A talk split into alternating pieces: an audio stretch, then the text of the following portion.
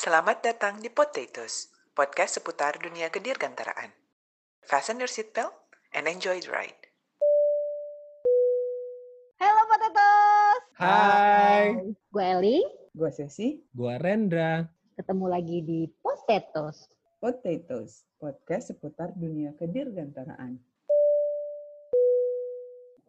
Oke, balik lagi sama Potatoes di episode kita yang kesekian-sekian. Hari ini kita udah kedatangan tamu yang seperti biasa selalu spesial ya, Ren ya? Selalu spesial. Selalu spesial. Tamu kita kali Martabak spesial, siap. Tuh, spesial banget tuh tamunya. Em, eh, apa namanya? Kita mau bicara-bicara, ngobrol-ngobrol tentang em, UAS. Apa sih UAS? Bukan ujian akhir semester, tapi Unmanned Aerial System. Bukan ini Haikal ya, Unmanned Aerial System. UAS loh. UAS. Oke, jadi Siap. bersama kita udah ada Bang Palo. Boleh Bang perkenalkan diri? Bang Palo, silakan memperkenalkan dirinya. Oke, eh, halo semua. Sekarang jam 2 berarti selamat siang menjelang sore ya. Oke, nama gue Andreas Palo Dwi Putra, eh, anak kedua dari eh, dua bersaudara. Eh, lahir di Bogor, besar di Bogor. Eh, sekolah di Bogor juga. Jadi sekolah di SMA Negeri 1 Bogor, kuliah di Jakarta, ambil teknik penerbangan di Universitas Surya Dharma, Kemudian eh, lulus eh, tahun lulus boleh diceritain tahun lulus? Nah, kalau tahun lulus diceritain pasti kalian lebih senior nih. tahun lulus tahun 2007. lulus kuliah 2007. Eh, kemudian eh, masuk setelah lulus langsung masuk di saya sempat kerja di Lion Air. Eh, nggak sampai setahun lah, cuma sebentar terus ikut eh, apa namanya penerimaan PNS yaitu salah satu eh, apa namanya eh, pekerjaan yang disayangi oleh mertua. Dulu alasannya gitu ya? Dulu dulu gitu soalnya Eh, apa mertua bilang begitu. Calon mertua dulu. Kemudian masuk di masuk di eh, di Kementerian Perhubungan di Direktorat Kelayakan Udara dan Pengoperasian Pesawat Udara eh, tahun 2008. Jadi saya angkatan PNS 2008. Kemudian eh, ditempatkan langsung di Subdirektorat Engineering. Dulu namanya Subdirektorat Engineering, Hmm. sekarang namanya Subdirektorat eh, Sertifikasi Pesawat Udara. Ditempatkan sebagai spesialis eh, flight test dan aircraft performance. Ah, jadi dari 2008 tuh udah ditempatkan di sana, tidak berubah tuh saya sampai saat ini. Ah, standar ya, apa di kalau di Deko PPU Ah, saya saya jujur mengakui kan sebelum saya di swasta ya saya mengakui eh, tidak seperti eh, ini sedikit sedikit ini ya sedikit mungkin sedikit eh, mind blowing kali ya karena apa? Saya ti- tidak Apa nih? menyangka kerjaan PNS sesulit itu. Oke oke. ya kan? Ah, kirain PNS santai-santai. Ternyata enggak sama sekali. Kemudian di sekolah-sekolah sekolah terus. Di DKPP itu bagusnya training training sekolah-sekolah terus. Jadi ya eh, jadi jadi jadi cukup bagus ya. Saya saya akui cukup bagus. Apa namanya? Kita dididik sebagai inspektor basic inspektor tentunya. Terus eh, sesuai dengan eh, prosedur kami juga kalau kita apa khususnya spesialis ya. Misalnya kami saya spesialis test. Ya kita dididik sebagai test. Sedikit-sedikit tentu basic basic basic inspektornya tetap ada tapi basic spesialisnya harus di di di apa namanya ditimbun juga. Jadi kita sempat di training di Kansas University. Banyak lah lumayan lah jalan-jalan lah ya. Jadi lebih lebih masuk lah ya kayak pasti Mbak Sesi dan kawan-kawan paham lah kalau sekolah di luar lebih masuk daripada sekolah di sini Bayarnya lebih mahal. Iya. jadi, jalan-jalan dan sekolah di short course, short course lah ya. Tapi short course-nya khusus di di flight test gitu. Eh, jadi dari 2008 ya bertahap lah ya kita sekolah-sekolah-sekolah, banyak training yang kita ikutin.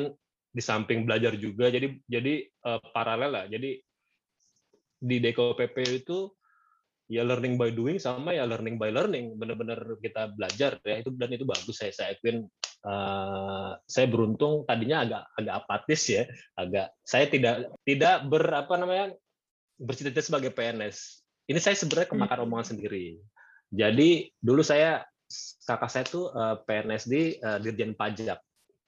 Dia lulus Hmm. status Dirjen Pajak. Terus saya ngatain dia, "Lu ngapain sih di PNS? Nah, kan swasta jadi pengusaha. Eh, gue kemakan omongan, gue masuk PNS. Karmanya cepet ya bang. ya? itu dia. Iya. Terus yang lebih karma ngatain- lagi, menikmati kakak lagi ya ngatain gue ternyata. Dan menikmati. Nah, itu menikmati ya Hmm. jalan-jalannya, sekolahnya menikmatin. Kemudian terakhir berkesempatan eh, jadi dari dulu depan kan training-training training dan kerja-kerja gitu loh ya. Terus baru Hmm. berkesempatan ditrainingkan sebagai eh, flight test engineer untuk fixed wing di International Test Pilot School di Kanada tahun Hmm. 2019. Jadi itu sebagai sebagai apa ya? apa bukan titik balik juga ya? Itu sebagai sebenarnya kalau di spesialis flight test itu, itu final trainingnya. Jadi setelah itu Hmm. sebenarnya saya saya saya harus rekaran aja. Jadi saya tidak punya training apa-apa lagi. Jadi dan dari des- dari staff instruction kami itu ya udah lu udah selesai sebenarnya lu tinggal lu kerja aja. Nah itu bagusnya itu menjadi mendapatkan lulus sebagai EAS EASA kategori 2 flight test engineer untuk fixed wing. Jadi saya pasangan dengan Captain Medi sebagai flight test pilotnya, saya sebagai flight test engineer-nya. Ya Wow. itu itu itu, itu cukup cukup cukup oke lah ya. Lumayan lah ya apa lumayan bisa buat apa namanya buat majang sertifikatnya gitu di rumah. Dan tapi beneran saya pajak sih. Pencapaian loh ya. Iya itu termasuk pencapaian. Buat ngisi LinkedIn. Betul. ngisi LinkedIn bener banget. Itu langsung saya ganti tuh di sana di- dan di sana bagusnya mungkin karena apa eh, ini mungkin eh, buat yang para ngomongin pendengar lah ya, buat dan kawan-kawan pendengar dan semuanya yang mendengarkan ya. Kan di sana kita tuh training kan siswa-siswa tuh banyak ya. Maksud saya nggak cuma kita, nggak cuma gue dari Indonesia, terus ya kita bercampur dengan orang-orang eh, Jerman, orang-orang China, orang-orang Turki Global kemarin. environment lah ya. Betul, orang even orang Kanada sendiri. Dan ya, jujur kita apa namanya pertama sih eh, kita biasa lah bos. Kita kita kalau saat sekolah real sekolah ya, yang belum pernah ngerasain mungkin ya kalau nanti udah kalau udah S2 dan sebagainya kan kita sekolah di luar itu ngerasain kulturnya. Ya mungkin kita ngerasa ah susah kali mungkin yang lain juga mungkin lebih jauh dari kita. Ternyata kagak ya. apa sama-sama dong-dong juga gitu maksud gue. Tapi ternyata kita setara juga gitu maksud gue. Kalau kita nge-push limit kita ya kita baik-baik aja gitu. Kita baik, kita oke-oke aja gitu loh. Jadi Tapi itu ya sih itu satu, bang, salah satu pencapaian lah yang mental gue. dijajahnya lama soalnya bang. Benar. Jadi bule kita itu wow gitu. Iya. Ternyata sama. Apa, Sama aja. Sama, sama bingung, takut terbangnya juga sama. Oh, Sama takut ya. terbang juga ya mereka ya ternyata. Iya se- beberapa eh, takut lah kalau masalah kalau di sana kan ya diputer-puter gitu lah ya. Kita terbangnya Iya. nggak normal normal. lah ya. Iya. Jadi emang agak paranoid juga. Ya, Berapa itu oke Bang? 2019 itu kita enam bulan. Eh, itu salah satu pencapaian. Sebenarnya itu pencapaian Indonesia ya. Apa dalam arti pencapaian di GCA lah untuk ling- lingkup kecil ya. Karena dulu kita di sekolah flight test itu eh, pas zamannya N250. Bayangkan tuh tahun 95-an berarti kan? 95 ke bawah Oke. dan kita disekolahin lagi tahun 2018 2019. Nah, Ceritanya setelah itu Bang Palo generasi muda gitu ya. iyalah kita masih, masih oke lah ya. Yang nggak muda-muda banget, cuman ya bisa dibilang muda lah ya. Untuk untuk PNS belum muda. Nggak kerasa juga udah dari 2008 kan saya PNS, jadi ternyata udah nggak udah nggak sebentar juga. Udah ternyata. belasan tahun loh, Iya belasan Betul. tahun. Ya udah, jadi cerita saya cuman kerja cuman itu, kerja di sempat di Lion sebentar, terus ya di di di Deko PPU sampai saat ini. Mungkin perkenalannya itu aja dulu kali ya. Cukup cukup Bang, seru-seru. Cukup lah ya. Cukup Man- banget. Mantap. Taruh cukup Terus lah. tadi kenapa Kak Sesi bilang spesial nih? Gua gua elaborate aja ya. Jadi spesialnya lagi adalah kan tadi Bang Paul udah cerita banyak tuh banyak pengalamannya yang buat LinkedIn-nya jadi keren tadi kan lulus Cita-cita Lulus. FTE dan FYI FTE di Indonesia yang certified kayaknya nggak banyak kan ya bang ya Betul, Tolong- betul. Bisa tolong Kakak Rendra. satu tangan. Dielaborasi dong FTE dong. FTE apa sih? FTE itu flight test engineer tadi kan jadi sebelum pesawat itu bisa terbang harus dites nih sama orang-orang yang berani-berani kayak bang Paul ini. Tersertifikasi khusus ya harus sertifikasi jelas. Itu yang pertama. Spesialnya lagi adalah kan hari ini tadi kita pengen bahas yang UES regulation ya. Nah guys jadi bang Palo ini kabarnya adalah salah satu dari beberapa orang yang menjadi founding father ya founding father. Apa ya? Ya, Pionir. Bilang merumuskan. Pioner lah, merumuskan. pionir lah. Pionir pionir yang merumuskan eh, regulasi untuk UES di Indonesia. Nah, untuk lebih jelasnya kita langsung tanya aja Bang. Jadi sebenarnya pertama UES itu apa sih? Terus yang kedua kenapa harus ada regulasinya di Indonesia? Oke. Eh, pertama UAS ya. Mungkin saya harus sedikit pertama klarifikasi dari tadi obrolan pertama UAS itu aerial atau apa vehicle dulu ada kita ngomongnya UAV apa unmanned aerial Aerial vehicle. Ah, Nah sekarang eh, para pendengar dan kawan-kawan kita juga harus harus sudah eh, mendeklar bahwa UAS itu unmanned aircraft Oh, system. aircraft. aircraft. Harus di eh, telan bulat-bulat ya aircraft. Eh, tar dulu. Aircraft itu definisinya apa berarti? Nah, aircraft itu kan suatu wahana yang terbang karena adanya ilmu aerodinamik kan ya. Hmm. Itulah basicnya kan basic basic standar aircraft itu fungsinya apa. Nah, itulah kenapa eh US itu dinamakan ya bisa mesin terbang. Ya mesin terbang itu ya aircraft. Aircraft bentuknya macam-macam. Jadi kalau kita lebih mendalami ya, kalau kita benar-benar detail apa sih itu aircraft, contohnya apa aja itu ada di AKIO dokumen lah ya. Tapi untuk Hmm. gambaran-gambaran basicnya, ya kan beberapa dari kita juga teknik eh, apa namanya teknik penerbangan lah ya. Jadi aircraft itu pasti vehicle atau suatu wahana yang terbang berdasarkan ilmu aerodinamika. Selain itu bukan selain itu bukan lah ya. Nah, ilmu aerodinamika ya bisa ya basic lah ya. Noli dan kawan-kawannya lah ya, nggak usah detail. Cuman intinya eh, didefinisikan saat itu seperti itu. Jadi bentuknya tuh harus jelas, harus aircraft. Jadi kan ada juga kayak kita apa namanya kalau di laut tuh kayak ya Oh, oh Eh, wise we say wing in ground effect kayak gitu itu bukan Hmm. bukan Ya. aircraft. Karena kalau balon enggak ya balon aircraft masuk masuk ringan aircraft dari eh, lighter udara. than Jadi air. lighter than air betul. Kayak airship itu didefinisikan aircraft oleh ICAO. Oke. Kite itu aircraft loh, kite itu karena berdasarkan angin kan aerodinamika Hmm. lagi. Jadi seperti itulah. oke Tapi itulah itu basic sekali apa basic aircraft. Tapi UAS itu tadi saya bilang unmanned aircraft system. Ah, kalau fungsi yang eh, berdasarkan definisi kita ngomongin definisi Indonesia aja lah ya, jangan definisi kayak AKIO karena udah kita kita udah punya regulasinya. Nanti yang nantinya akan kita bahas. Jadi intinya sebuah pesawat dan sistem yang terkait kayak UAS ya. pesawat dan sistem terkait itu ya tadi apa eh, remote dan kawan-kawannya apa eh, kontrol handlingnya eh, yang dikendalikan jarak jauh oleh pilot. Jadi harus ada pilot, pilot atau mengendalikan dirinya sendiri sesuai hukum termo, apa, aerodinamika. Yang menge- mengendalikan diri sendiri ini ya seperti kayak kalau sekarang kan teknologinya udah canggih ya. Kenapa kita ngomong di di aturan kami tuh dikendalikan jarak jauh oleh pilot atau mampu mengendalikan dirinya sendiri dengan menggunakan hukum aerodinamika. Karena ya bisa ya Iya, tidak seperti tidak otonomus Mbak Eling, belum sampai ke sana. Jadi sistem yang diplankan saja seperti kita kan kalau menerbangin drone kecil itu kan kita bisa titik waypoint itu dia terbang sendiri. Heeh. Dia dia dia tidak punya AI semacam yang lebih advance yang bisa berpikir sendiri dia harus ke mana dan ke mana. Even even kayak misalnya kayak Google Loon yang tinggi itu aja itu diprogram, jadi tidak full autonomous. Tapi intinya itulah, tidak sampai ke autonomous, tapi dia dikendalikan oleh kru atau ada manusianya atau bisa menggunakan diri sendiri kayak return to home itu kan sistem ya. Oh, dia tidak full autonomous tapi didesain oleh manusianya. Jadi itu jadi harus dipahami UAS itu aircraft.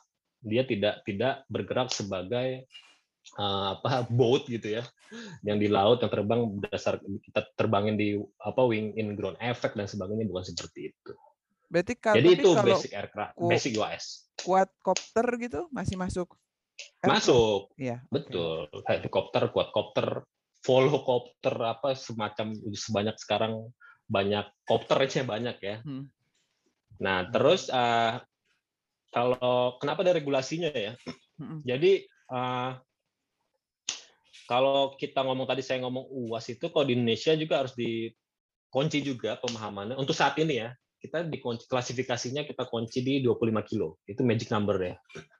Hmm. 25 kilo ke bawah dan 25 kilo ke atas. Alasannya kita hanya follow eh, majority dunia sih sebenarnya.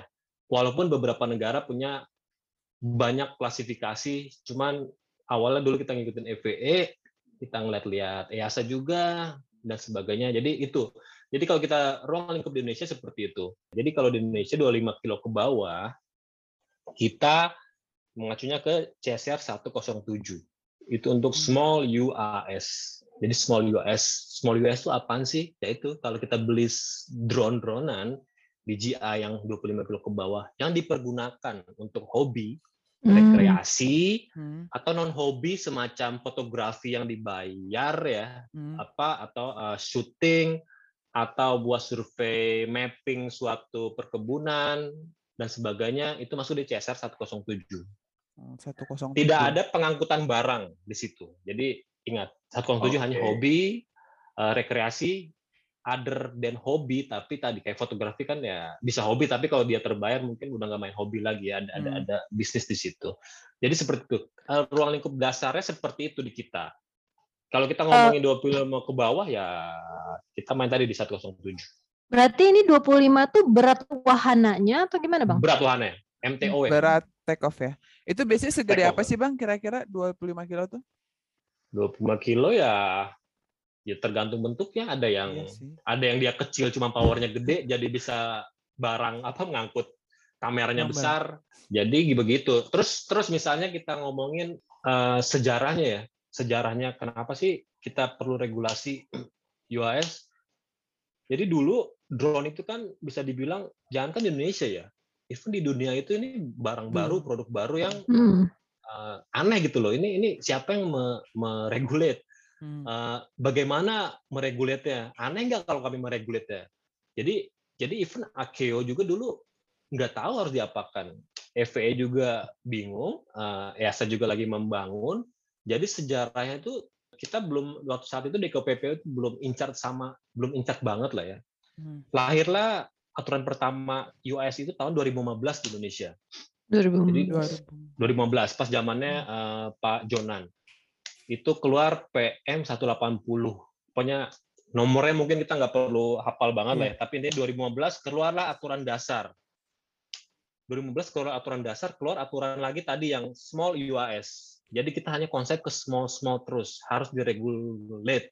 Alasannya menurut saya cukup bagus ya. Pertama kita tidak mau seperti eh, contoh yang yang yang paling kerasa mungkin oleh masyarakat umum Gojek dulu ya apa eh, Gojek online lah apa ojek Oh, online iya, itu ojek kan online.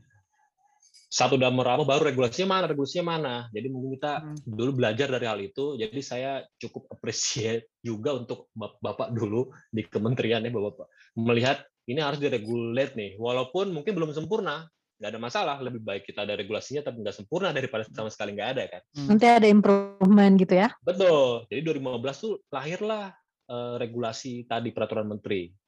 Turun eh, turunannya itu dari tadi CSR 107 untuk small nah masalahnya saat itu eh, terus bagaimana yang pesawat yang yang yang drone besar kan? Nggak ada yang tahu mau diapain kita merefer ke luar negeri juga nggak ada nggak ada aturan sama sekali kita kita kita belajar. Jadi dulu KKP belum masuk. Jadi kita tuh incar di orang-orang DKPP itu 2017an lah ya. Nah jadi dulu di peraturan awal itu hanya mengacu jadi kalau kalau 25 kilo ke bawah mengacu ke CSR 107 lu ikutin aja lah. Basicnya ah, nanti detailnya mungkin uh, next ya pokoknya intinya ada itu ada basic uh, Ada pembedanya lah ya gitu ya. Iya. Terus 25 kilo atas di- dikemanain? Nah, saat itu 25 kilo ke atas follow aturan main aircraft. Jadi kita semua tahu kayak Hmm. CSR 21. Jadi CSR 21 ya, itu basic prosedur buat certification aircraft, produk dan part itu. Kemudian ya aerodinamik standarnya tadi CSR 23 untuk 23. small aircraft, 25 untuk large, 27 untuk uh, small apa helikopter, 29 untuk large helikopter untuk transport apa transport helikopter. Jadi jadi dulu 2015 tuh terus direvisi 2016 tidak tetap tidak ada perubahan ya maksudnya tetap uh, 25 ke atas tetap ke main aircraft. Jadi itu hanya hanya revisi, revisi sedikit lah. Jadi tidak tidak begitu terkait dengan apa uh, bagaimana cara mensertifikasi 25 kilo ke atas kemudian uh, 2000 ya udah jadi 2016 direvisi lagi tidak berubah. Nah berjalan itu tuh jujur emang tidak ada aplikasi juga sih. Jadi kami ah santai-santai lah ya. Apa Hmm. toh nggak ada aplikasi juga. Kita anggap ini penting nggak penting. Walaupun ya du- du- walaupun dunia bergerak kan dunia bergerak semua. Uh, kemudian tapi sejalan waktu jadi uh, sejalan waktu dimulai di 2017 tuh kami mulai join di uh, Akeo uh, Symposium untuk UAS dan uh, 2017 itu kami mulai sedikit terbuka. Tapi masih tim kecil. Ya kayak mas waktu itu Surya sama siapa saya lupa. Orang standar mengikuti itu. Tim kecil tuh dulu. Jadi bingung apa ya oke oke ada ada aturan ini nih ada ada di dunia tuh mulai mulai mulai bergerak nih apa UAS drone dan segala itu udah mulai bergerak tapi belum ada yang benar-benar firm aturannya. Jadi Hmm. masing-masing negara masih mencoba. Jadi nah kemudian berjalan waktu ya ya ada kami pertama sudah sekolah juga terus Kak, saya sekolah juga. Tapi di 2018 tuh DKPP mulai full in charge bukan full in charge ya mulai Concern. concern. Jadi diawali oleh eh, dulu pas zaman Pak Afif itu saya dan Mas Medi kami mulai ditrainingkan tuh di di di JEE Eropa ya. Terus di CE Singapura kami mulai trainingkan. Terus kami mulai ikut komunitas internasional. Jadi kalau kalau kalau kawan-kawan tahu ada Jarus Jarus ya. Ada yang belum pernah dengar. Ada kalau udah pernah, Pernah- dengar pernah Jarus dengar. tuh pernah dengar ya? Iya. itu joint authority uh, for rulemaking unmanned aircraft system Kalau nggak salah Itu ada kumpulan. orang FAA-nya gitu kan ya. betul Wah, itu semuanya Banyak. Filmmaking ya. kumpulan otoritas semua dunia dan bagus ya eh, dulu kami di KPPU di GCA dibantu oleh Australia agar kami masuk ke sana. Jadi Hmm. akhirnya saya dan Mas Medi masuk jadi salah satu anggota Jarus. Ya dibantu lah ya oleh orang dalam ya kan. Hmm. Kan harus orang dalam nih. Kalau nggak susah. Orang jahat Iya. dalam ya bang.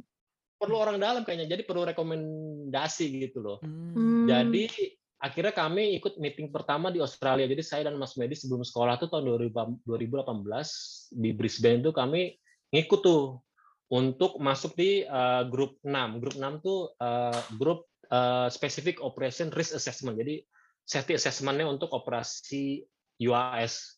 Jadi nanti produknya ada eh, SORA. SORA itu nanti jadi SI kami, staff instruction kami untuk prosedur bagaimana mengakses eh, UAS eh, operation. Itu bagus eh, produknya, toolsnya bagus. Jadi kami ikut tuh. Jadi ya kita mulai ke- makin kebuka di tahun yang sama karena tadi Australia juga kebetulan menjadi tuan rumah sebagai UCWG. Jadi UCWG ada grup lagi nih namanya UCWG. Cewek gitu apa tuh? Unmanned uh, Unmanned Aircraft Certification Working Group diketua di, Hmm. di, di koordinasi, koordinasikan oleh FAA langsung. Hmm. Kami jadi anggotanya juga. Tapi ini concernnya kalau UAS itu eh, eh eh, Jarus itu kalau kami di grup Jarus kami yang ikut meng- apa yang mengikuti grup 6 di Jarus itu concernnya ke eh, small bukan small small Small. bukan small US ya, tapi kalau di EASA itu eh, ini pengetahuan juga buat kita semua. EASA itu ada open kategori, ada spesifik kategori sama certified kategori. Di EASA ya, EASA dan beberapa negara eh, Asia ada nggak? Saya saya kurang paham. Asia Asia Barat mungkin ya. Nah, ah, nah open kategori itu tadi yang tidak perlu diapa-apain lah kayak hobi dan sebagainya. Nah, kalau spesifik kategori itu yang yang di kita mainkan ini yang misalnya disewa untuk aerial mapping, untuk fotografi profesional. Jadi spesifik kategori. Jadi ada tujuan drone dipakai untuk Tujuan apa. bisnis gitu ya? Tujuan- Betul, tujuan bisnis. Yang ketiga di ESA certified. Ya, certified itu nanti yang akan kita omongkan. Chaser apa eh, Chaser 22 Dua-dua. dan drone-nya 25 kilo ke atas. Hmm. Nah, UCWG itu bergerak di bidang yang sertifikat eh, certified UAS. Jadi kita udah cocok nih, kita masuk grup di dua grup besar. Jadi ya di tahun dua- mulai tahun 2017 tuh kita kebuka pikiran kita. Walaupun mentwist otak otak-otak authority ya. Jangankan di Indonesia jadi kami saat meeting meeting di internasional juga perdebatan tuh keras ternyata. Jadi kami cukup ketika saat kita bahas regulasi eh, nggak cuman kayak kami kok di DKPP juga saat bahas regulasi kan kadang normal ya apa eh, berdebat berdebat Hmm. maksudnya apa dan sebagainya. Hmm. ternyata pas saat kami mengikuti grup internasional lebih keras lagi sampai ada walk out jadi Widih, apa ya emang oh emang ternyata seperti ini apa eh, dunia dunia membuat regulasi karena banyak kepentingan yang harus di diikutkan kali ya. Jadi seperti itulah. Jadi udah cocok nih 2017 2018 kami udah mulai punya basic basic eh, dasar oh drone itu seperti ini. Di dunia tuh sudah mulai seperti ini. Beberapa negara sudah eh, mensertifikasi beberapa negara sudah ada aturannya. India seperti ini Bangkok seperti ini Eropa, EASA seperti ini, FS seperti ini, mulai kebuka lah. Nah, eh, se- sejak karena 2017 2018 kita mulai terbuka, mulailah 2019 kami sekolah pulang sekolah itu kami memulai eh, bikin US regulatory framework lah ya. Jadi apa saja yang terkait, apa saja yang kita butuhkan di Indonesia. Paralelnya juga mulai banyak aplikasi nih ke kami untuk Hmm. eh, US besar. Seperti pernah dengar Beihang yang punyanya China, Hmm. itu juga mulai aplikasi. Kemudian ada Volocopter punya Jerman, mulai Hmm. aplikasi, bukan mulai aplikasi lah, mulai bertanya, eh gimana Indonesia nih? Karena kami juga sedang berjalan di sana, bisa nggak kami juga paralel di Indonesia berjalan? Karena Hmm. kayak sepertinya mereka melihat Indonesia pasar yang cukup bagus ya untuk untuk untuk drone besar, untuk kargo drone besar seperti itu.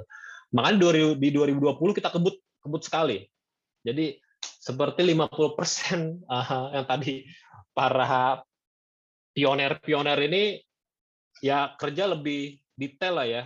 Apa soalnya kan 2020 ya Mbak Sesi paham juga ya Mas Rendra kita fokus ke 2019 juga lah ya. Apa tapi paralel kita kejar juga nih karena ditagih juga oleh uh, menteri dan sebagainya dan kementerian lain juga. Jadi kami mulai buat regulatory framework ini lebih ketat apa yang dibutuhkan. CSR, CSR 107 dari 2019 mulai kami amandemen. Sekarang lagi proses uh, pengesahan seperti pengesahan lah ya. Sekarang lagi proses pengesahan untuk amandemen satu. Jadi 107 intinya uh, small drone mungkin kita bisa sisihkan intinya mungkin kita bi- bisa bahas lain waktu untuk detailnya karena tapi kami sering mengadakan webinar nih untuk untuk small small drone ini karena karena kalau di Indonesia sebenarnya yang main yang main small Lebih- drone ini lebih banyak, iya banyak sekali. Hmm, Aplikasi di kami juga banyak.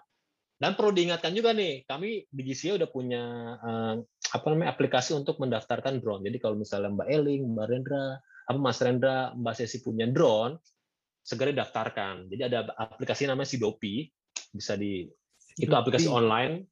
Ya itu eh, Itu para untuk hobis punya pun drone. gitu.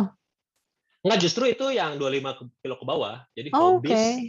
Jadi yang wa- wajib didaftarkan itu eh, 250 gram sampai 25 kilo. Oh berarti Itu di JI aplikasi. Phantom tuh harus daftarin semua tuh.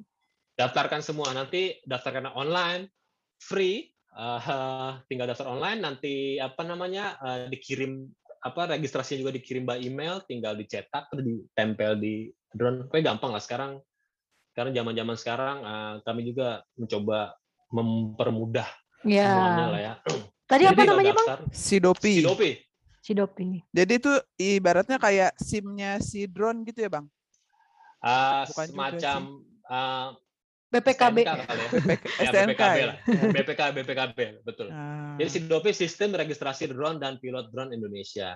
Jadi nanti Oke. drone-nya, jadi ada dua dua apa dua dua jalur ya pas saat Hmm. buka aplikasi online itu. Jadi di aplikasinya di Dijen Hubud kami di, di Hmm. web Dijen Hubud.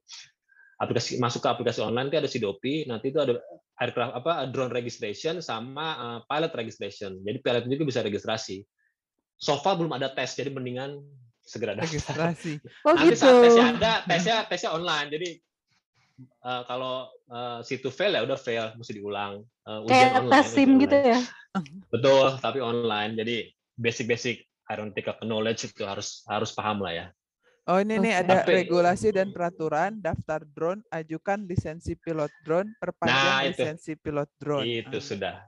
Oke lah ya. Daftar aplikasi apa registrasi sign up by email. Gampang-gampang kok. nanti apa ya salah satu verifikator juga ada saya Mas Medi nanti bisa Oh, bisa orang dalam. ya gampang lah itu gampang gampang gampang registrasi aja apa nggak ada nggak ada seperti tidak ada kesulitan apa apa sih apa cuman data-data aja kayak standar lah KTP form diisi. Jadi tidak ada yang tidak ada tidak ada menyulitkan bukti kepemilikan itu kan normal ya. Itu tapi itu tuh drone kecil ya. Kita kalau kita nanti ngomongin ke drone besar Beda beda, lagi ya. urusan. Karena Ini yang di registrasinya bawah- baru aircraft. Di bawah di bawah 25 ya? 25 kilo betul. Nah, kalau diteruskan eh, tadi misalnya kan udah kita fokus tuh regulatory framework kita kita harus kita harus mengejar di 2020 karena tadi kita kita juga dikejar dikejar oleh oleh kementerian lain sama menteri kami juga kami dikejar.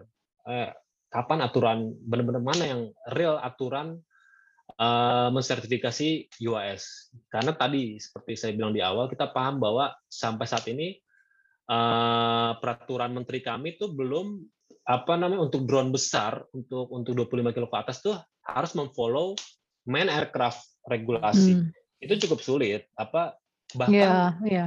tidak tidak sepertinya tidak bisa tidak tidak akan bisa dicomply oleh oleh oleh oleh manufaktur karena memang didesain untuk main Beda aircraft. gitu ya. Mm-mm. Jadi kalau Beda kita mengacu ke peraturan terakhir ya, jadi ini semoga diingat juga PM PM 37 tahun 2020. Nah itu tadi itu itu revisi dari peraturan 2015. Tapi itu tadi basicnya masih sama seperti itu. 25 ke bawah pakai CSR 107, 25 kilo ke atas pakai CSR yang sudah ada, CSR main aircraft. Nah, mulailah kita berpikir apa ini tidak bisa nih kita harus membuat suatu aturan desainnya. Di AKEO tahun 2019 dikeluarkanlah propos perubahan annex 8. Ini annex 8 tuh untuk aircraft design ya, aircraft certification. Jadi AKEO banyak annex ya, sama-sama paham lah ya. AKEO ada annexnya. Nah, kita akan memfollow itu. Akhirnya kebukalah, oke lah kita ikutin AKEO aja. Minimal kan toh eh, kita anggota AKEO, eh, kita contracting state, daripada kita bingung ngikutin saat ini semua negara lagi mencari-cari, udah kita ikutin aja. Kita bergerak cepat loh. Saat itu kita bergerak cepat, kita adopt saat itu. Adopt CSR eh, yang ini, CSR yang akhirnya keluarlah CSR 22 akibat ada revisi dari Annex 8. Jadi eh, goalnya, maksudnya ke pertanyaannya hmm, regulasinya apa tadi ya, CS 25 kilo ke bawah 107 sampai saat ini masih berlaku. Tidak ada tidak ada perubahan yang signifikan dari 107. Ya ada perubahan signifikan sih untuk yang amandemen 1. Jadi sebenarnya drone kecil tuh 107 tidak memperbolehkan ini salah satu contoh aja tidak memperbolehkan terbang malam hari atau beyond line of sight ya. Tidak Hmm. boleh itu. Tapi di 107 terbaru diperbolehkan karena ada exemption ya pengecualiannya Hmm. cara mendapatkan pengecualiannya itu ada prosedurnya menggunakan tadi saya bilang SORA, S-O-R-A, Specific Operation Risk Assessment. Itulah yang tadi saya bilang saya dan Mas Medi yang menjadi tim jarusnya. Jadi ya kita bisa lihat-lihat itu salah satu tools untuk mengakses drone-drone kecil yang terbang via pengecualian. Tadi misalnya Mas Renda punya DJI pengen ngerekam eh, moto uh, sutet lah ya, moto sutet. Siang-siang Oke. boleh, tapi PLN-nya bilang, enggak saya mau malam juga. Nah, Mas Renda harus izin ke kami Hmm. dengan segala konsep Hmm. operation-nya. Contoh itu. Terus ya mau mau terbang saya 20 kilo apa 20 kilogram, saya mau terbang sekitar 30 kilo nih di ya di remote di hutan lah ya. Jadi benar-benar beyond line of sight. Itu nggak boleh di 107, tapi boleh sekarang karena ada pengecualiannya. Jadi kasih Mas Rendra kasih ke kami konsep of operation Mas eh, Rendra bagaimana ya risknya apa apa eh, emergency procedure seperti apa ya itu seperti itulah ya lebih detail tapi itu kami wadahi jadi jadi jadi intinya sih kami pengen mewadahi semuanya tidak ada halangan lah karena karena kami juga pengen menghidupkan dunia dunia UAS ini. Ini kan kayak teknologi baru yang gampang sebenarnya gampang lah ya. Kayaknya kita sering webinar oleh para orang-orang Indonesia juga pada jago-jago sepertinya. Jadi nggak ada masalah dengan itu. Uh, terus kami mewadahi juga dengan regulasinya yang tampaknya uh, kalau untuk sekarang nih kalau saya kami bisa pede sedikit lah ya. Indonesia cukup cukup Terdepan. advance untuk untuk ya cukup terdepan untuk regulasi eh, di dunia peruasan.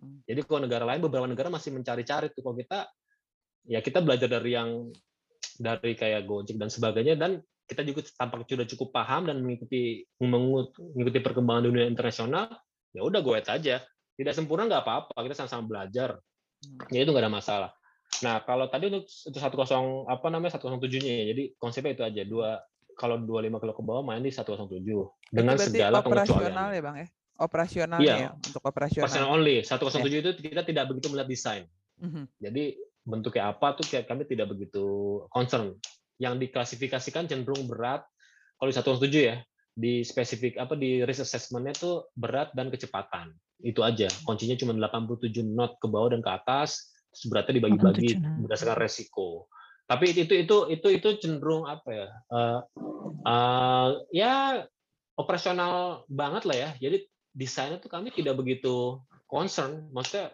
mau bentuknya seperti apa selama berat drone lo cuma 20 kilo ya ya udah ikutin aja aturan yang yang yang cukup gampang ya. Hanya hanya operasional only tidak ada masalah airworthiness design di sana. Mhm. Hmm. berbeda lah kalau CSR 22 Dua. jadi CSR 22 diciptakan sebagai airworthiness standar Hmm. dalam Hmm. mendesain UAS. Jadi CSR 22 itu isinya ya kayak CSR 23. Jadi Hmm. ya kalau misalnya Oke. 2019 mau buat apa jangan 2019 lah, apa- Male lah. Kita ngomongin Male mau di, mem- mendapatkan eh, apa namanya type certificate eh, sipil. Selama ini kan bingung nih, saya harus buat Male seperti apa sih? Kalau kalau mengikutin aturan yang lama ya harus jatuh-jatuhnya bentuknya pesawatnya kayak 2019 lagi, maksudnya bentuk normal ya. Jadi ya jadi what's the point kalau kayak gitu ya? Akhirnya mengulang-ulang lagi tidak ada yang aneh. Tapi timbullah standar baru yaitu CSR 22 jadi nomornya sih ini nomor nomor pilihan aja. Apa kami kebetulan dua-duanya kosong ya. Kita input tadinya sempat mau 30 apa atau pengen nomor besar yang aneh-aneh kan. Kita pengen nyari-nyari nomor yang unik-unik gitu tapi ya udahlah CSR 22 kata kata bos besar. Oke, CSR 22 Kan apa CSR biasanya 21, 23, Kan ganjil kan? 25 ganjil gitu. Ini tuh emang baru satu ini CSR yang genap atau gimana? Ya CSR genap ke atas sih banyak ya. Apa cuman untuk airworthiness standar ini baru CSR genap nih. Kenapa sih? Ini- Kenapa dipilihnya ganjil gitu? Kepo aja. Kenapa nggak ada nggak ada nggak ada alasannya alasannya karena kita follow FAA aja. Oke. Oh di FA juga Karena- ganjil semua berarti. FAA ganjil semua. Kalau ada Oke. sama kayak isinya, coba kalau perhatikan isi isi dari eh, setiap CSR ya, kayak CSR 23 pasti ganjil. Ganjil Satu, semua. tiga, lima, ya. Karena Hmm. apa dua satu, dua tiga. Tapi kalau ada tambahan baru, ya masukin sisipin. Itu itu seperti itu aja. Sejarahnya nggak tahu lah. Mungkin ke- takut ada revisi jadi nyelipinnya enak. Yang sepertinya. Oke, sebelum lebih jauh tadi sebenarnya ba- banyak hal nih, tapi gua bikin sedikit review. Jadi sekaligus simulasi nih bang. Jadi ketika misalnya gua sebagai aplikan atau user drone, gua Ah. punya drone dengan berat yang tadi di bawah 25. Ya. Gua harus, gua sebaiknya atau harus mendaftarkan se- eh, drone gua sebagai certified drone ke DKPPU. Enggak, enggak perlu certified kalau di bawah 25. Tapi Oke, perlu terdaftar. Oh, tapi perlu terdaftar. Untungan kita terdaftar itu apa bang? Maksudnya kan itu Atau- himbauan kan, bukan kewajiban. Nah, ya. Enggak lah, itu itu Itu ada itu itu kewajiban. Oh, Peraturan menteri Oke. berarti udah ada peraturan ya kan? Sorry, ketika ngomong kewajiban berarti ada konsekuensi dong ketika gua tidak mendaftarkan drone gua. Apa tuh, kira-kira? Sampai saat ini enggak ada. Hmm. Gampangnya gitu Oh. Belum. Cuma Belum. Cuman Belum. cuman ingat apa maksudnya nggak ada tuh dalam arti eh, kita persuasif lah ya. Kita kita hidup di dunia saat ini yang hmm, apa ya? sensitif bisa dibilang kali ya. Hmm. Jadi kita kita kita kita kita paham. Jadi eh, kita paham eh, sebagai apa? Sebagai insan negara, weh, enggak juga. Pokoknya sebagai sebagai manusia manusiakan itu kita harus punya eh, sisi persuasif lah. Kita paham orang tuh melanggar mungkin bukan niat melanggar, tapi kan tidak tahu peraturannya. Mm-mm. Itu pertama yang penting. Yang kedua, kami paham kami belum cukup mensosialisasikan regulasi ini. Jadi, tapi eh, maksudnya belum cukup, kami sudah berusaha. Intinya webinar itu udah sering kami lakukan. Tahun 2020, 2019, 2020 lah ya, kami ada 3-4 webinar. Kami keliling daerah dan tanda kutip, terus mulai eh, bukan keliling daerah, keliling apa, eh, keliling online ya, webinar online sih. Cuman Hmm. beberapa tempatnya di Jogja yang apa eh, senternya lah ya. Jadi seperti itu. Eh, kami melakukan seperti itu dan eh, kayak Mas Medi eh, juga aktif di eh, karena sebagai eh, pilot juga dan untuk meng, apa namanya mengedukasi pilot-pilot drone. Jadi aktif di FASI, di ABDI apa eh, jadi para para komunitas-komunitas UAS itu kami sudah sudah sudah apa ya tidak diam aja. Kami sudah ya, sudah banyak komunikasinya udah udah udah udah udah sering sekali. Jadi tampaknya untuk komunitas drone itu eh, untuk saat ini cukup teredukasi dengan baik lah ya untuk komunitas drone. Tapi kalau misalnya tetangga saya gitu kan, eh, eh, kalau saya kan tinggal di eh, daerah Tangsel ya. Jadi kadang ya hal yang maksud tadi saya persuasif kan dia nggak tahu aturannya bahwa dia nerbangin drone drone DJI dia yang mampu 5 kilo terbang 2 kilo itu dia nggak tahu aturannya itu nggak boleh karena Hmm. karena kalau kita pakai DJI atau AirMap itu kan ada ada warning ya di aplikasinya ya. Dan di posisi saya ini ada Pondok Cabe, ada Curug, ada Atang Sanjaya. Jadi itu bakal bernyanyi lah aplik apa eh, si aplikasi itu gitu loh. Dan kita harus paham kalau kita tahu aturannya. Oke, saya ini sebenarnya nggak boleh nerbangin drone tinggi-tinggi.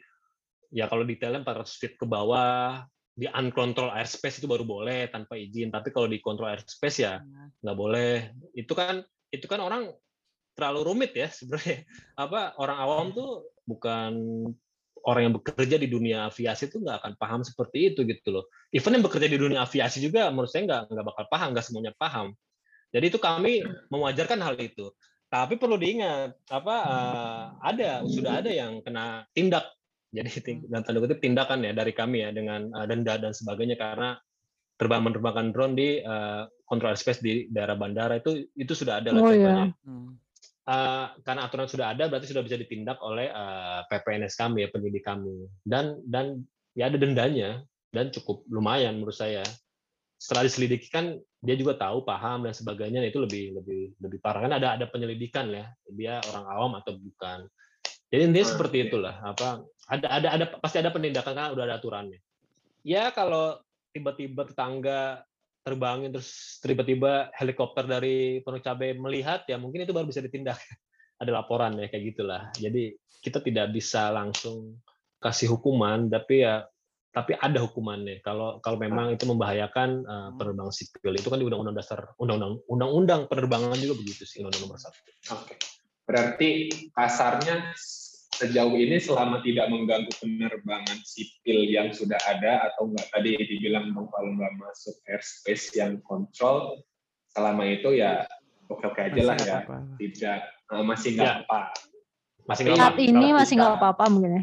Nah, saat ini, tapi ketika nanti kira-kira penerbangan drone ini tadi bisa mengancam yang udah ada, baru bisa ditindak gitu ya dengan Iya. peraturan yang ada. Iya, jadi kalau aturannya sih ya bukan bisa apa-apa ya, tapi eh, sebenarnya tidak boleh. Jadi hukumnya tuh, jadi semua semua semua drone yang terbang di control airspace itu harus eh, mendapatkan approval atau mendapatkan izin dari DGCA. Hmm. Gampangnya gitu. Nah, kalau terbang di bawah 400 feet tapi di uncontrolled airspace itu tidak perlu. Nah, kan Hmm. masalahnya uncontrolled airspace ini kan juga susah. Terus Definisinya orang ya. awam orang awam juga mungkin tidak tahu karena ya mungkin tidak bisa mencari di mana mendownload di mana. Jadi jadi seperti itulah. Seperti apa harus terbang di luar KKOP wilayah wilayah apa keselamatan bandar udara itu kan KKOP apa sih nanti? Orang juga nanya terus di mana? Batasnya apa? Kan orang nggak paham. Tapi intinya kami percaya eh, saat ini komunitas drone juga berkembang dari hal kayak seperti ini kayak podcast terus misal dari kawan ke kawan dari Instagram kita kita kasih persuasif eh bro eh, moto nggak boleh tinggi tinggi kita sekedar sekedar apa komen itu itu menurut saya itu sudah cukup cukup kasih edukasi ya jadi Hmm. kita kita coba memposisikan kita juga ke orang yang awam mungkin nggak mengerti. Terus kami juga sering kasih tadi edukasi ke komunitas-komunitas drone yang cukup paham. Apalagi kalau mereka sudah uh, aplikasi ke kami, pilot drone juga harus memiliki aeronautical knowledge. Dia udah paham pasti daerah-daerah kayak tadi, tadi saya bilang, control airspace, control airspace. Itulah kenapa tujuan harus terregistrasi. Nah, keuntungannya kalau saya pribadi ya keuntungannya ya kalau saya profesional uh, ya tentulah saya lebih untung mengiklankan drone saya dengan pilot saya bersertifikasi DGCA dan drone saya sudah Yeah. terdaftar. Monggo boleh nyewa saya. Jadi jadi jadi ke sana sih tujuannya. Hmm. Jadi semoga sih semoga semua sosialisasi kita tercapai. Kalau kita bermain di drone kecil ya. Kalau drone besar ya udah beda permainan Oh, lagi. beda sebenarnya. lagi. Tujuannya tuh endingnya tetap supaya safety ya. Betul. Pastilah. Ya kan? Betul. Safety untuk safety Karena untuk lingkungan penerbangan Ah. Indonesia. Betul. Jadi ya ya untuk saat ini kan ya yang kita selamatkan kan tetap man aircraft ya. Jadi itu majornya tetap man aircraft. Jadi uh, sekarang kan ya di dunia sering terdengar apa uh, dulu ada bird strike, sekarang drone strike itu sering. Dan bisa satu bandara bisa ditutup gara-gara itu. Kemarin kejadian di Inggris itu kan ya kesebar ke dunia. Ada di San Francisco juga. Ya itu apa ya pilot Indonesia juga sering report kan apa drone inside. Nah itu itu harus ditindak sebenarnya. Karena ya nggak lucu aja kita kita kena insiden ada drone strike itu semoga tidak terjadi ya. Itu itu dunia semua tahu. Jadi jadi itu yang itu yang harus kita concern juga apalagi kita sebagai regulator pasti ditanya regulasinya apa sih? Ya tadi kalau ditanya Hmm. untuk amannya kami udah punya kok. Ya gitu aja. Hmm. tapi mungkin kami lemah di surveillance ya apa di pemantauannya kami masih lemah. Ya lebih baik seperti itu daripada kita sama sekali tidak punya aturan basic. Jadi dasarnya itu dulu. Yang penting ada dan kami percaya eh, karena komunitas drone ini kan komunitas yang uh, aeronautical knowledge-nya jauh lah ya tidak bisa dibilang awalnya tidak ada Hobis lah ya, hobis. Iya, benar Hmm. hobis. Jadi jadi kita harus paham kita berdealing dengan orang-orang yang tidak paham tidak paham dan mungkin tidak tahu aturannya. Dan kami percaya itu bukan salah mereka. Jadi ada faktor kita juga yang harus eh, memberi sosialisasi yang cukup cukup apa namanya cukup bertubi-tubi lah ya biar mereka Hmm, sama-sama dan- paham begitu sih. Berproses Kalau- lah ya. Mm-mm. Ini Bang, kalau misalnya di luar nih kayak VAR terus EASA gitu tuh udah ada aturan yang firm nggak sih tentang eh, apa namanya UAS ini? Ada, sudah ada. 107 itu based on-nya eh, FAA sebenarnya. EASA juga sudah punya. Detailnya saya nggak tahu nomornya ya, cuman semua sudah ada. Semua sudah sudah sudah bergerak. Cuman untuk yang setahu saya nih, ya, yang full sertifikasi untuk eh, eh, karena semua konsep di dunia hampir sama. Kalau yang untuk yang spesifik kategori yang tadi kalau EASA open spesifik ya. Mhm. Kalau EASA sama, kalau FAA sama kayak kita lah 25 kilo ke bawah, 25 kilo ke atas. Nah itu belum ada yang eh, full certified sebenarnya, setahu saya Hmm, uh, untuk full civil certified event kayak Volocopter tuh ngajak kami bergabung untuk uh, join uh, certification bersama Singapura dia dan Jerman karena pro Jerman terus kayak Uber itu masih on proses jadi semua masih ya masih mencari jadi jadi jadi dalam dalam mungkin dari ini pertama kalinya juga seluruh dunia lagi lagi uh, bergerak bersama-sama ya untuk mungkin saling mencontek juga nih siapa duluan siapa duluan siapa duluan caranya gitu ya Terus kalau Yes, nggak Bos. salah kan Indonesia juga ada ya bang ya, yang Frogs ID. gitu. Prox ID oh Frogs yes yes Frogs ada ya ya ya Ada ada kita udah pernah ngobrol juga loh Bang. Nanti kalau mau dengar boleh. Iya, Kita iya. ngobrol bareng Nah, di Potatoes. sama Pak Alex. ya ya Frogs kan pernah ikut webinar dan sebagai ada salah satu pembicara juga dari mereka kalau nggak salah yang harus dipahamin kita semua walaupun 25 kilo ke atas itu kan kami udah membuat CSR dua-duanya Hmm. nanti tetap akan follow eh, prosedur sertifikasi main aircraft prosedur ya prosedurnya ya bukan bukan desainnya ya prosedurnya harus follow ya tentulah harus follow prosedur CSR 21 ya pertama yang membuat pesawat harus DOE harus punya desain Hmm. approval Ah, jadi oke. Oke. jadi Karena ini itu kunci- desainnya ya yang Betul. di Jadi dia itu bukan- kunci utamanya dulu aja. Jadi mau ada frogs, mau ada kita ngomongin BPPT dengan apa eh, pum, put- Puma apa saya lupa Puna, BPT. Puna. Puna. Ah.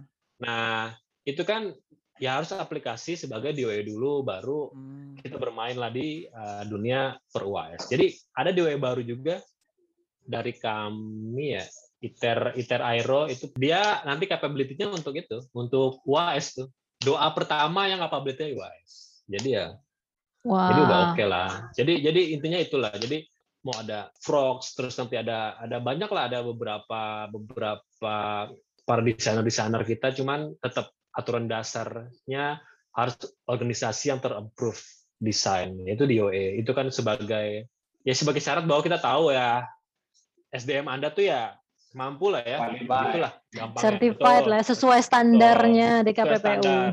betul. Jadi seperti itu. Bang nanya bang, kan tadi em, yang disebut sebagai UAS itu kan yang remote pilot kan? iya Yang isu-isu sekarang juga mulai hype itu kan orang-orang mulai mempertimbangkan tentang taksi udara nih, yang kayak cuman betul eh, dua dua orang gitu dah. betul Itu selama itu remote pilot itu masuk ke dua-dua berarti, walaupun dia Iya. ngangkut orang. Iya, betul. Jadi eh, sampai saat ini eh, Akio terus eh, Jarus, Jarus itu kan jadi panel Jarus itu ada juga panel yang khusus eh, aircraft besar. Jadi dia punya aerodinamik standar sendiri di Jarus itu. Cukup detail juga aerodinamik standarnya, tapi kami tidak follow dia, cuman sebagai referensi bisa aja nantinya dalam saat mendesain.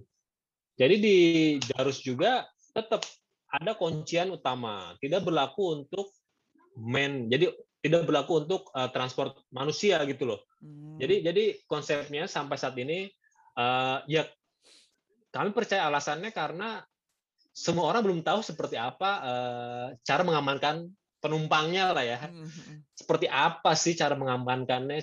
Syaratnya apa? Itu semua pada pada pada mencoba pada pada mencoba membuat dan tampaknya belum belum ada.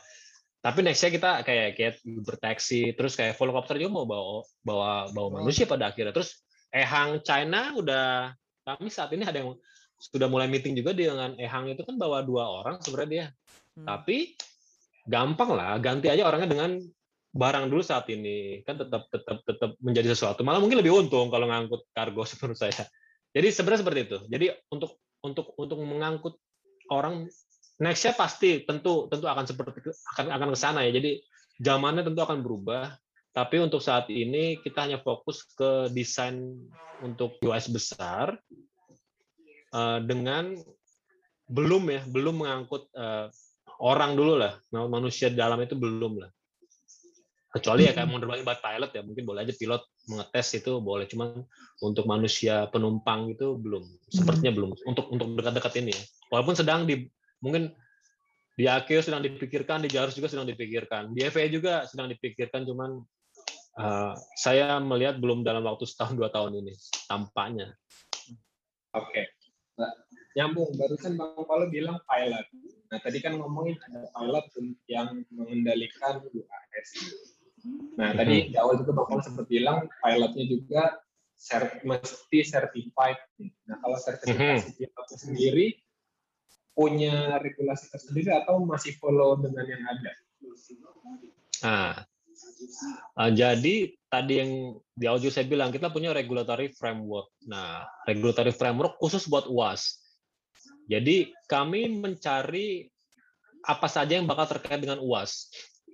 Jadi kita ngomongin di sini eh, UAS besar ya. Kalau 25 kilo ke bawah, semua di 117 udah clear. Pilot harus apa eh, sertifikasi pilotnya seperti apa udah udah cukup clear. Tapi kalau untuk drone besar, eh, untuk certified UAS, semua akan follow basic regulasinya. Jadi contoh eh, annex yang 8 yang kami adopt itu mengorek juga sisi CSR 21. Jadi Hmm. CSR 21 nanti diperkenalkan, jadi secara prosedur sama ya. Tapi diperkenalkan pertama definisinya aircraft itu aircraft itu kan eh, produk jadi aircraft itu kan produk satu produk ya. Produk avi apa produk dari Avi-. Dirgantara. Dirgantara. Aircraft itu berarti eh, aeroplane maksudnya eh, eh, fixed wing, pesawat terus eh, mesin, propeller, satu lagi UAS. Itu definisikan sekarang. Jadi aircraft itu Hmm. salah satunya UAS. Satu lagi tambahannya produk produk dari certification-nya itu adalah RPS, Remote Pilot Station ya. Jadi sekarang Hmm. ada lima produk. Uh, aircraft sendiri tentunya ada engine, propeller. Jadi aircraft ini udah UAS ini udah masuk aircraft jadinya di di di Akio. Jadi itu udah aircraft itu ya UAS itu aircraft karena tadi berdasarkan uh, aerodinamika. Dan ada produk yang terakhir sekarang diperkenalkan adalah RPS, Remote Pilot Station. Jadi station itu sebagai produk sekarang. Produk bisa mendapatkan type certificate. Tapi maksud saya di CSR21 kan berlaku untuk semua kan, mau baik pesawat penumpang, kan prosedur sertifikasi. Jadi Hmm, prosedur ya, bagaimana prosedur. mensertifikasinya? Ya tadi saya bilang harus di OE itu itu itu ya itu normal apa bukan normal itu basic basic eh, di eh, cara mensertifikasi pesawat udara. Nah kalau kita ngomong pesawat udara sekarang itu di dalamnya termasuk tadi saya bilang UAS itu termasuk eh, aircraft. Aircraft. begitu. Mm-mm.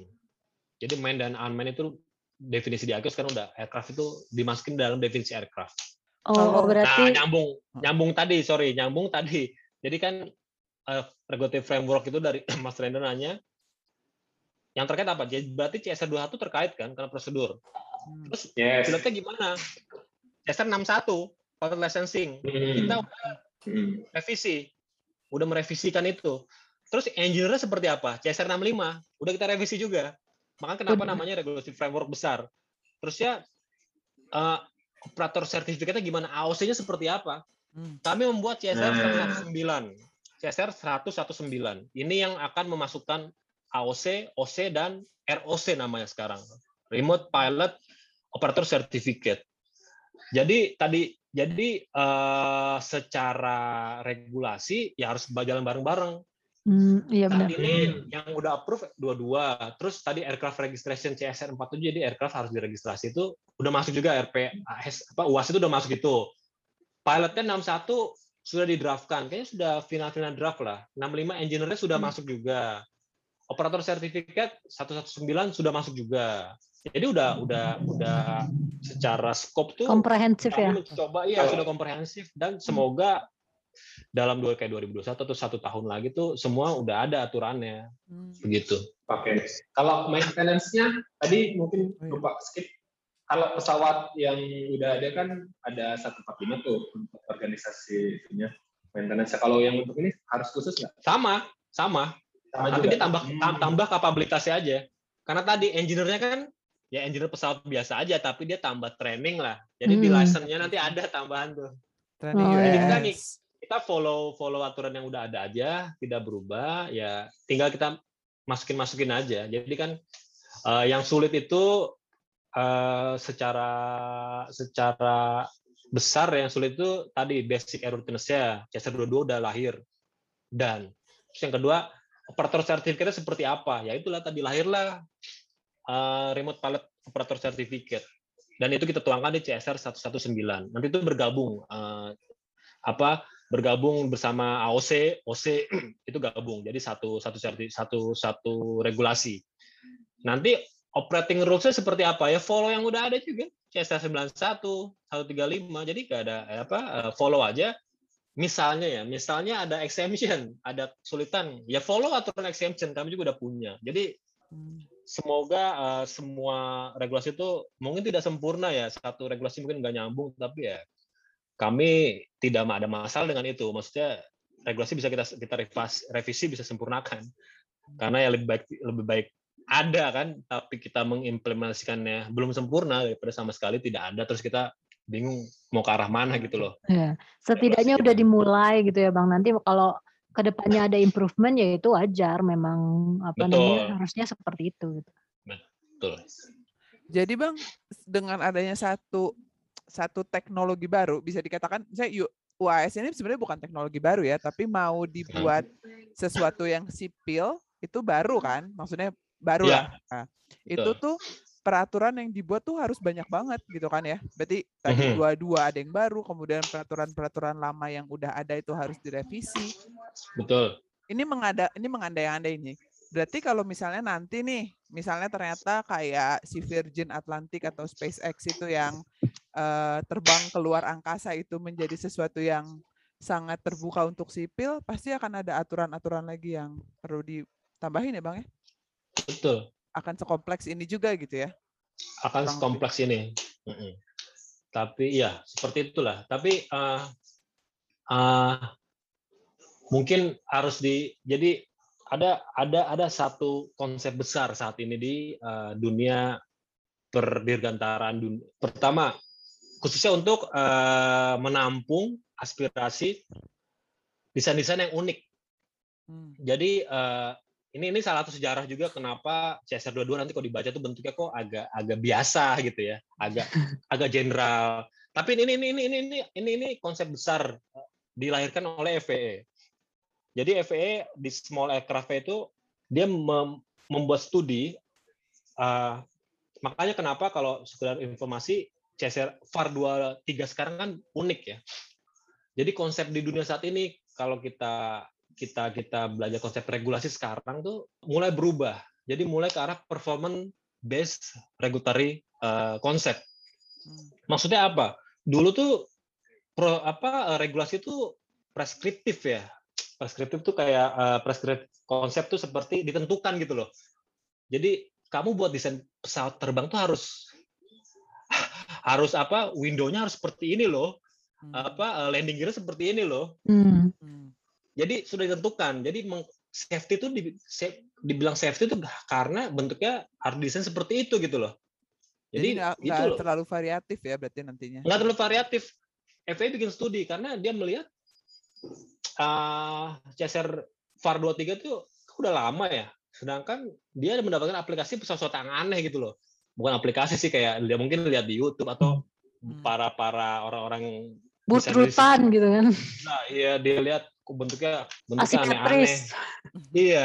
Nah, dibuatlah konsep di dunia juga saat ini, even di di, di seluruh dunia ya kalau kita belajar regulasi, even regulasi UAS dan semuanya, dia mulai ke arah performance base. Jadi bukan harus ditentukan seperti itu, tapi di yang dilihat tujuannya apa. Contoh eh, misalnya pesawat harus bisa emergency evakuasi gitu ya dalam 90 detik. Itu tujuan. Tapi desainnya itu terserah operator. Saya bikinnya desain jebret atau kebuka 10 detik semua pada keluar. Itu bisa. Jadi tidak dikunci di Windows-nya harus segini loh. Pitch kursi harus jaraknya segini.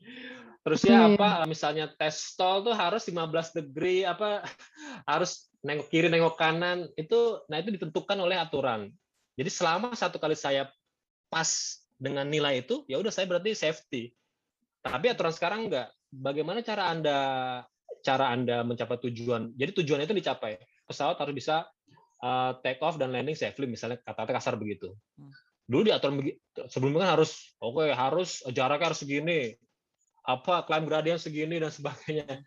Sekarang ya ada operator unik apa saya bisa langsung take off kayak vertical take off landing ya saya bisa safety teknik saya mungkin punya parasut terus kurang safety apa. Jadi itulah mulai diubah konsepnya. Nah CSR 22 ini kalau kita pelajari aneks itu lahir seperti itu mulai merubah cara konsep berpikiran orang-orang. Jadi ini akan menimbulkan kreativitas yang tak terbatas di uh, desainer. Saya bisa hmm. membuat apa aja. Makanya kalau kita dilihat di YouTube apa pesawat Amerika itu kan mulai banyak mulai aneh-aneh kan ya. Maksudnya bentuknya dulu ada apa novel design. Kanar yeah. itu iya. dibilang aneh sekali ya. Padahal itu kan ya sama-sama aja, cuma ditukar aja antara Posisi, ekor ke ya. depan. Betul, tapi tidak aneh-aneh banget. Sekarang punya apa pesawat-pesawat aneh-aneh, volocopter gitu dengan apa rotor yang banyak itu. Terus apa apa masalah dengan itu gitu. Ada apa eh, bentuk yang UFO uh, landing dengan badannya sendiri itu kan itu kalau pakai regulasi CSR 23 masuk ke mana nggak masuk ke mana-mana kan hmm. Itulah yang melahirkan regulasi salah satu regulasi-regulasi uh, sekarang yang yang cenderung advance untuk meng mengcover uh, hal-hal yang tidak bisa di cover oleh oleh regulasi yang preskriptif yang yang yang harus ditentukan safety itu harus ditentukan jadi tidak bisa kita ya kayak ya oke oke aja ya jadi misalnya tadi saya bilang kamu harus A, dia safety. Jadi kalau saya sudah mencapai, saya safety dong. Sedangkan kan mungkin kalau sekarang terserah bagaimana cara mencapainya, yang penting Anda bisa menunjukkan itu. Jadi hmm. konsep udah mulai berubah. Hmm. Nah itulah konsepnya karena dilempar ke operator, apa dilempar ke desainer karena banyak standar yang mungkin terlalu, terlalu jadul ya. Iya terlalu apa namanya sempit gitu, jadi nggak memacu Terlalu sempit, kreativitas. betul. Terlalu Kayak pepatah gitu bang, banyak jalan benar. menuju safety gitu kan. Nah itu betul. Tinggal tinggal ditunjukkan kan. Yang penting kan apa ditunjukkan. Itu aja sih masalahnya. Yang penting safety-nya tetap terjaga gitu ya. Betul, betul. Tapi berarti lebih PR buat DKPPU dong dalam mengassess si safety itu gitu. Betul. Mas. Itu salah satu kelemahan dari uh, performance based rules.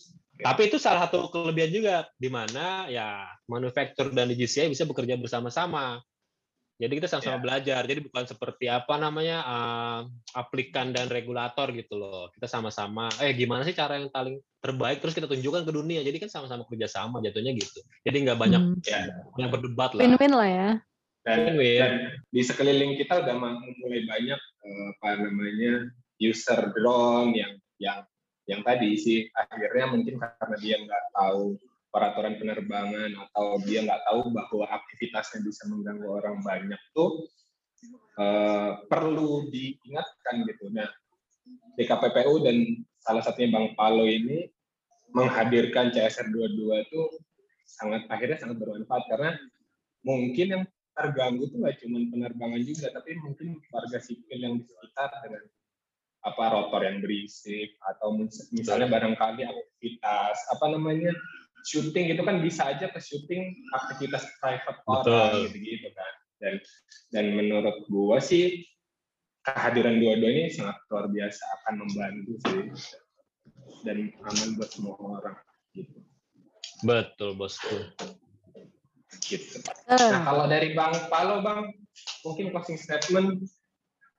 Kan tadi Bang Palo bilang eh, sebenarnya udah banyak sekali dan berusaha terus untuk me- membumikan CSR 22 nih pada Hmm. apa praktisi-praktisi dan mungkin lewat episode Potatoes kali ini Bang Palo bisa kasih apa ya ujangan atau eh, sosialisasi untuk pendengar Potatoes terkait khususnya dua CSR 22 ini. Oke. Drone ini dunia baru. Uh, di dunia pun ini baru. Jadi dan saat ini dari sisi kalau saya mengatasnamakan regulator, kami sudah berusaha semaksimal mungkin untuk membuat regulasi yang se sekomprehensif mungkin ya. Tidak sempurna ya pasti. Kami terus berkembang, akan kita revisi, kita juga butuh masukan. Tapi dari tapi kami mencoba uh, melihat dan kutip ini lahan baru. Jadi cobalah uh, merefresh mungkin kalau kita stuck di di di di, di common design ya yaitu ya aircraft main aircraft. Sekarang ada wahana baru, kita bisa sama-sama belajar. Kami juga butuh masukan dari lapangan karena ya ya skill kami ini uh, bukan mendesain ya. Regulator itu hanya melihat time apa dari helikopter view bahwa apa yang kita butuhkan dari sisi regulasinya. Tapi dari dari, dari sisi desain kami menyerahkan ke para desainer desainer desainer di Indonesia. Jadi semoga ini dengan adanya CSR 22 prosedur sudah kami provide juga walaupun dalam pengesahan cuman sudah bisa dipakai. Tadi juga regulasi semua sudah cukup komprehensif. Jadi menurut saya monggolah para desainer ini coba aplikasi dan menciptakan uh, US lokal yang certified ya, yang 25 kilo ke atas. Kita akan sama-sama belajar. Semoga semoga ini kita bisa apa ya, salah satu uh, uh, negara pertama lah ya. Jangan di dunia dulu lah, di Southeast Asia dulu lah. Kita tunjukkan bahwa teknologi drone kita juga nggak nggak kalah gitu loh dengan dengan dengan yang dengan di luar. Dan ya tadi yang yang terutama dari sisi regulasi kami semoga kami udah cukup ready dari segi personil juga kita kita akan sama-sama belajar ya kami akan belajar dari uh, aplikan dari manufaktur dan manufaktur juga akan kami arahkan bagaimana uh, cara mengkomplai suatu regulasi dengan baik. Mungkin itu saja Mas Renda. Oke. Tadi kayaknya pertanyaannya agak sedikit meleset. Kurang ditambah nih. Kan tadi dari sisi manufakturnya. Dan tadi Bang Palo udah juga lebih banyak cerita dari sisi operational. Nah mungkin tambahan sedikit aja pesan untuk Yes. yang sebagai user atau operator UAS ini. Oke, kalau sebagai untuk user, untuk para pendengar dulu aja nih. Untuk yang mendengarkan podcast ini, aturan untuk uh, eh, US ini sudah ada. Jadi tadi yang mungkin kau sudah mendengarkan, segera daftarkan atau minimal baca saja CSR 107 untuk yang para user di bawah 25 kilo ke bawah. Jadi itu, sudah cukup uh, komprehensif, dipelajari. Terus untuk mendaftarkannya juga udah ada aplikasi online free of charge. Saat aplikasi bisa chat dengan kami jadi uh, bisa diskusi di sana uh, dan cepat juga. Maksudnya prosedurnya prosesnya juga cepat. Jadi silakan aplikasi jadi saat itu itu itu teraplikasi dan di database kami ada jadi minimal kami sudah tahu uh, berapa persen sih dari komunitas drone itu yang sudah paham basic-basic regulasi drone. Jadi sampai saat ini memang persuasif uh, proses kami, apalagi yang melanggar, cuman dasar hukumnya sudah ada, jadi harap dimaklumi uh, bahwa bahaya itu nyata, bahaya itu nyata, dan kami saat ini masih berfokus ke ke main aircraft. Jadi intinya ya yang unmanned itu tolong mengalah dulu. Uh, kalau misalnya uh, dilihat oleh oleh kru atau ada report dari lapangan bahwa anda terbang di daerah-daerah yang berbahaya. Jadi, tapi intinya uh, silakan daftar drone-drone Anda untuk para para penggiat drone. Silakan join di komunitas-komunitas drone yang Anda kenal. Di situ juga sudah teredukasi dengan baik. Dan kalau ada kesempatan, silakan juga training basic drone di komunitas-komunitas Anda juga. Jadi itu juga sudah cukup kami lihat sudah cukup teredukasi dengan baik dan kadang malah kami juga sebagai uh, narasumbernya juga di training itu. Jadi ya saya saya kami berharap sih dari sisi sisi regulator ya semua memfollow aturan aja walaupun kami paham dari kami juga belum sempurna. Itu aja mungkin Mas Rendra ya. Mantap banget. Jadi jangan lupa daftar di Sidopi ya. Daftar di Sidopi untuk drone kecil. Nanti linknya kita taruh lah di Potatoes biar lebih nah, apa siap. namanya gampang buat para pengguna uh, apa namanya drone di bawah 25 kilo ya bang ya? Di bawah 25 kilo. Oke, seru banget sih obrolan hari ini. Komprehensif banget itu mulai dari ceritanya tentang apa namanya aircraft tadi ya, definisi aircraft sampai ke aturan yang mendasari penggu, uh, operasional untuk UAS di Indonesia gitu. Oke, um, makasih banyak Bang Palo atas waktunya. Jadi rupanya um, waktu kita mau ngajak ngobrol tuh kita tadinya cuma kepikiran CSR 22 ya, tapi ternyata si CSR ini tuh nggak cuma satu bundel gitu aja, dia adalah suatu rangkaian panjang yang kita juga harus tahu filosofinya ternyata dalam sertifikasi ini ada ada cerita panjang di baliknya. Jadi mungkin kapan-kapan kita bisa ngobrol lagi tentang sesuatu yang lebih luas daripada itu kali ya, Bang ya. Seru Boleh. banget. Makasih banget atas waktunya. Oke, sekian eh, episode Potetas kali ini. Gue Eling. Gue Sesi. Gua Rendra dan teman ngobrol kita hari ini. Andreas Palo. Oke, sampai ketemu di episode selanjutnya. Dadah. Dadah. Dadah.